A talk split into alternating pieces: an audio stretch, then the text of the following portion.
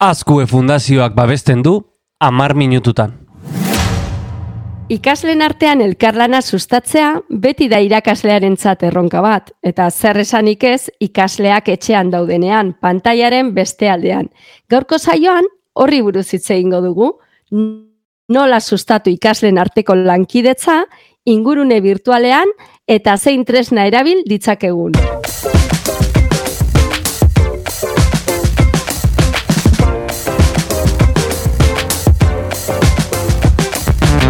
Maite goni naiz, eta hau amar minututan da. Hezkuntza eta teknologia, hau da, teknopedagogia lantzen duen podcasta.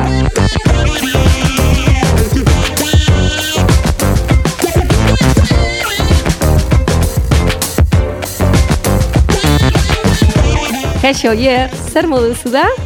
Laburra, hori da, eta gainera, enaiz bakarra esaten duena.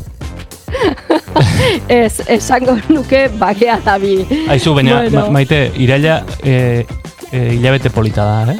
Iraila... Oso oso polita. Bai. Nei asko guztain zait, egizateko. Nei, bai? ere bai, zarauztarra izaki, e, ustez da hilabete honena ondartzara joateko, adibidez. Adibidez. Oh, adibidez, eta beste gauza askotarako. Adibidez, e, teknologiaz eta ezkuntza zitzegiteko ere bai, ez? Hori da, hori da.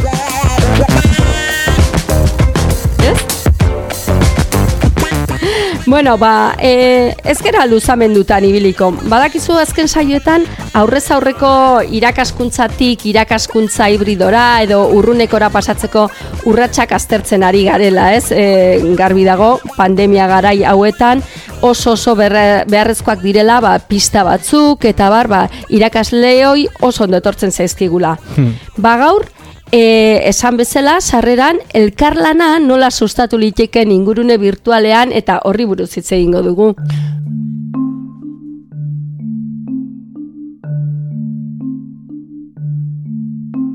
Erronketako bat, ez? Gaur egungo hezkuntzaren erronketako bat, transizioan dagoen hezkuntzaren erronketako bat, elkarlan hori bermatzea baita, ez? Bai, elkarlana gainera e, ikusita nola gauden gela aurrez aurreko geletan, ez? E, gaude distantziak mantendu, zilaia atzera bueltatzen ari gara metodologikoki, ezin ditugulako askotan ba, talde lanak e, egin, e, ba, distantzia sozialagatik eta barrez, eta gainera e, horrelako momentu batean ez dakigu berriz ere etxean konfinatuta geratuko garen. Beraz, ba bueno, gaurko saio honetan horretaz hitz egingo dugu.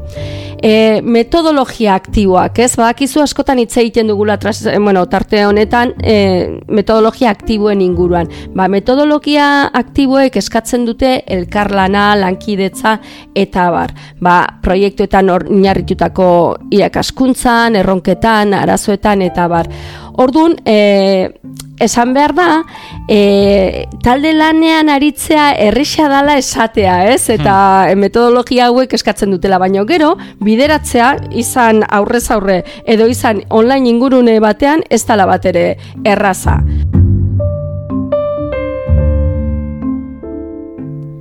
Eta bitartean oso oso interesgarria da, ez? Ze ikasle bakoitzak rol aktibo hartu eta taldeko helburuak ba, betetzen laguntzen duen neurrian, ba, ematen du e, batu egiten direla, helburu komun bat lortzeko, eta oso prozesu ezigarria da esateko baldin eta ondo bideratzen bada, ze oso politia da ikustea ba, nola laguntzen dioten elkarri, eta nola indartzen den taldearen koesia, eta bar. Baina, bueno, esaten genuen ez tala erreza eramatea hori e, ez aurrez aurre ez ingurune digitalean.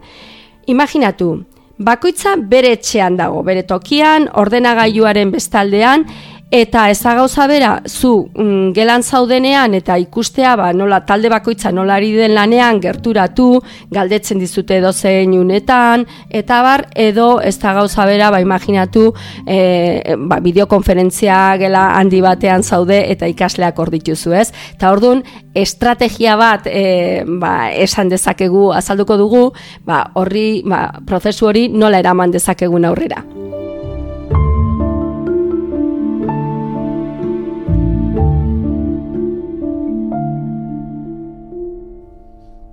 Baina justu pentsatzen egon maite, e, nola moldatu, e, berez aurrez aurre ohituta egon garen e, kontu bat, ez? Talde lana, mhm. ez?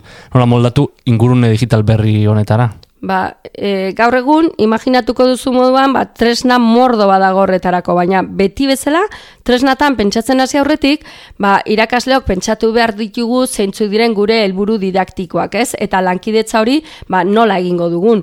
Modu sinkronoa, hau da, denak elkarrekin ordu jakin batean konektatuta, edo modua sinkronikoan ba, bakoitza ba, bere ordutan edo alduenean edo, edo egin behar duenean.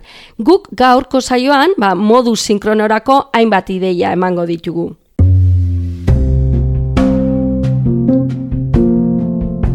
Lehenengo urratsa izango da beti bideokonferentzia hori egiteko e, breakout room edo gela txikiak sortzeko aukera izango duen tresna bat hautatzea.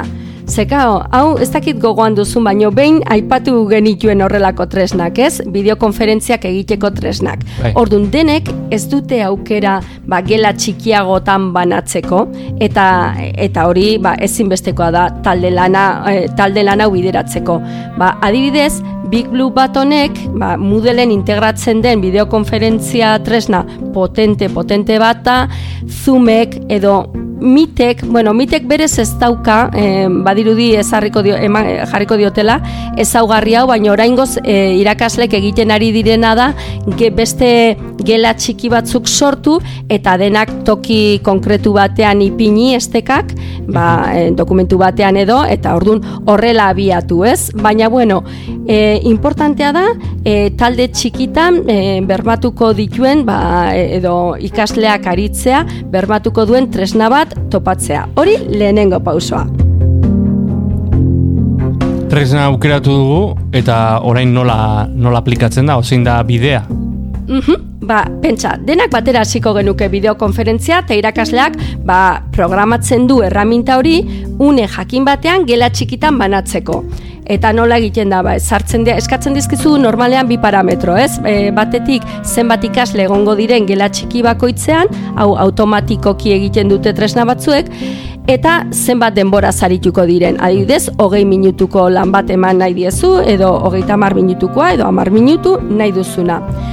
Beraz, irakaslea bideokonferentzia gela handian geratzen da eta izango du aukera ba, gelaz gela virtualki salto egiteko eta ikusteko ikasleak zertan ari diren baiaia aurrez aurre egongo bagina bezala eta orduan ba, sartzen zara batean ikuste zalantzak argitzeko, lanaren jarraipena egiteko eta bar. Eta gero, e, ba, bitartean, zaude gelaz gela eta bar, imaginatu, e, salto virtualak egiten, eta ikasleak ari dira, ba, beraien artean, gela txiki batean, ba, ez gai bat, edo e, egon litezke, bestelako tresnari gabe, aurrez aurre bideokonferentzia gela txiki batean, hitz egiten. Edo, egon litezke, ba, horren baitan konpartitu dezake batek tresna bat eta denak lankidentza ba, tresna batekin gero aipatuko ditugu, eh? tresnak ba, bai. lan ezberdinak egiteko. Orduan, e, egon ditezke modu sinkronoan, ba, irakasleak adierazitako denboran. Eta gero ze pasatzen da, ba, denbora gortzen denean, sistemak berietza ere, ba, gelan dira bidaltzen ditu ikasleak. Orduan bera, e, ba, e, ikasleak bueltatzen dira gela hundira eta denek amaitzen dute jatorrizko bideokonferentzia gelan elkarrekin ezertxore egin gabe. Orduan beraientzat, bueno, eta irakaslearentzat oso erosoa da, ez duelako aparteko ezer egin beharrik, ez sistemak egiten du osorik. Eta orduan, idea interesgarri bat izan liteke, baia talde handian, e, ikasle edo taldeka egiten dute bozera maileak edo izendatzen duten bozera maileak konpartitzen du bere pantalla, badakizu tresna hauek denek eukitzen dute laukera ba, pantalla partekatzeko, orduan taldeko bozera maileak partekatzen du, gela handiaren zat bere pantalla eta saltzen du taldearen izenean ba, zer egin duten. Hmm. Adibide bat izan niteke. Tira, ipatu zulen tresnen kontua, ze ez da berdina talde lan bat egitea ba, brainstorm bat egiteko edo edo bideo lan bat egiteko, ez? Horixe, orduan, ba, talde lanaren helburaren baitan, ba, orduan pentsatuko dugu ze tresna da egokiena. Zuk esaten dezuna, idea zaparrada bat egiteko, brainstorming bat egiteko edo iritziak partekatzeko, hau da, beharko genuke arbel digital bat e, postit moduan jartzeko adibidez, ez? Mm -hmm. Postitak, bakoitzak bere postita ipintzen du eta ideak batzen dituzte. Ba, horretarako, adibidez, e, Google erraminteak Googleek edo erabiltzen balima dira, ba, Googleek badauke Jamboard deituriko arbel digital bat, ba, baita partekatzen dana ikaslen artean, eta bakoitzak ba, bere postitak edo ipinditzake ba, kolorez berdinetan. Eta horren antzekoak dira, miro, mural, storm, storm board, e, pila badaude horrelakoak ez, baina ordun beharko genukena da arbel digitala egiteko edo horma digital bat egiteko erraminta bat. Hori ba, bilatzaietan jarrita mm, pila bat aukera aterako zaizkigu eta doainekoak dira, hezkuntzan erabiltzen direnak eta batzuetan ez dago oso importante izaten da guretzat irakasleontzat, ba izena eman behar ez duten tokitan ibiltzea, ez? E, kontuak sortu behar ez dituztenak. Ordun, segunda zu e, zer sistema erabiltzen ari zaren lehendik, ba bueno, balin badauke horrelakoa emango dizun aukera, ba erabiltzen duzu, ba beste kontu bat sortu gabe. Ordun pixka bat hori e, irakaslearen baitan. Gero ni txuletari begiratzen, e, e, zure apuntei begiratzen ikusten dut Drive eta Teams bezalako e, tresnak egokia direla beste kasu batzutan. E, hori da, ze batzuetan nahiko dugu hori baino geixiago, ez? Ez bakarrik ideia zaparradak egitea edo nahi dugu, ba, kolaborazioan txosten bat idatzi edo aurkezpen bat egin, ba, horretarako, ba, daude ofimatika paketeako deian, ba, ez, norbaitekin partekatu egin nahi duzun aurkezpen hori edo dokumentu hori, horiek, mm ba, Drive, Teams bezala, ba, software askean ere, ba, daude, bestelako dokumentu kolaboratiboak, eta egin litezke oso modu errazean, ba, denak elkarrekin, idatzi, kolaboraz, e, barkatu komentarioak ipini, eta bar. Beste aukera bat adibidez, ba, esan diezaiek egu ikaslei bilatzeko lantzen ari garen gaiarekin informazio zehatz bat ematen duen beo, bideo bat, dokumental bat, hau da, e, analisi azterketa, bilaketa, arakatze e, lan hori egin dezaten esan diezaiek egu. Ba, horretarako ere, beharko genuke mm, padlet eh, antzeko edo moduko tresna bat.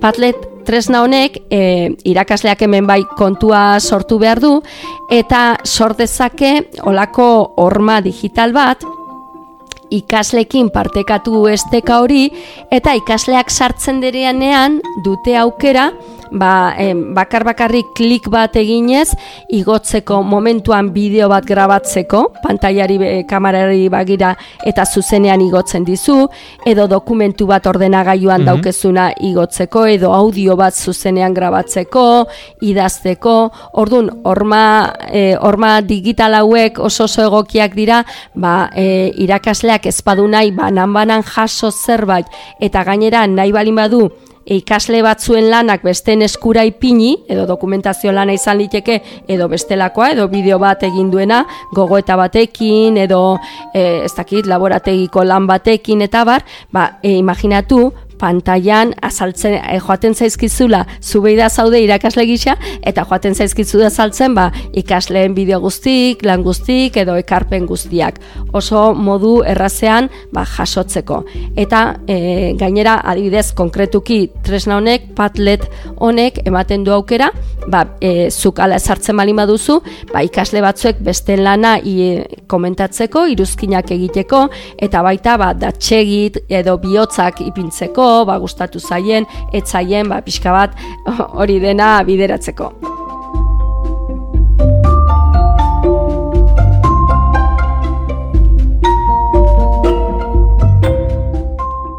Eta azkenik esango genuke, ba bueno, bideoak egin nahi balin badituzte modu kolaboratiboan ere horretarako, ba, ui bideo bezalako tresna bat erabildezaketela, edo askotan ere, hezkuntzan esaten diegu egiteko sintesiak edo e, zerbait e, bideo bat ikusi dute, azalpen bat entzun dute eta bar, eta askotan eskatu, eskatzen diegu, ba, mapa mental batean egitea sintesi bat, edo infografia batean ideia nagusienak ipintzeko, ba, horretarako ere, badaude tresna kolaboratiboak, adibidez mapa mentalak egiteko, Mindmaster izan liteke bat, egokia, eta infografiak egiteko, asko daude, baina bat adibidez espreski orain ipini dutena ba, talde lanean aritzeko eta hori, ba, pick to chart izan liteke. Mm Esan daiteke lan bakoitzak eta e, lan egiteko modu bakoitza badaukala bere tresna, ezta? Hori da, horregatik esaten dugu tresnak ez direla garrantzitsuak, baina beti ere euki behar da, bueno, tresnak bai dira oso garrantzitsuak dira, eh? baina esan nahi beti ere esaten dela hezkuntzan beti helburu didaktikoa ipini behar dela aurretik, baina gero ere horrekin batera oso importantea da denok ezagutzea, ba, olako kit bat eukitzea ez, ba, hau egin nahi balin badut ze tresna ze aukera ditut, ba, honekin eta horrekin egin dezaket.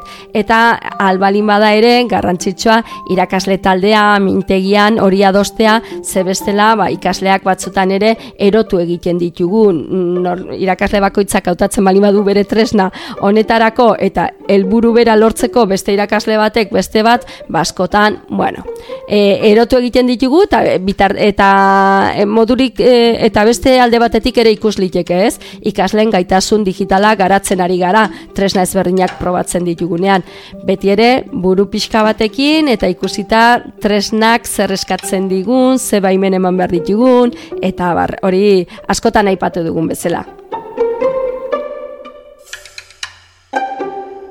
Bueno, oier, ba, hausi izan da gure opor osteko lehenengo saioa, eta hausi kontatu dugu. Oso interesgarria, e, gainera orain e, eskoletara itzultzen ari garenean, gure aurrak eta gure seme alabak eskoletara itzutzen ari direnean, bueno, ba, esango nuke informazio interesgarria, tresna interesgarriak aurkeztu ditugula amar minututan. Bai, ze gaina kontuan izan behar dugu, orain bertan aurrez aurre ari garela, baina ikusten ari gara, baina e, ikastetxetan ematen ari direla lehenengo kasuak eta bar, eta gertalitekela edo zein unetan, ba, gure ikastetxean edo gure ikasle talden artean, ba, konfinamendu txiki bat egin behar izatea. Orduan, ba, preste egotea edo pre, eh, prepatuta egotea ba, ondo etorriko zaigu.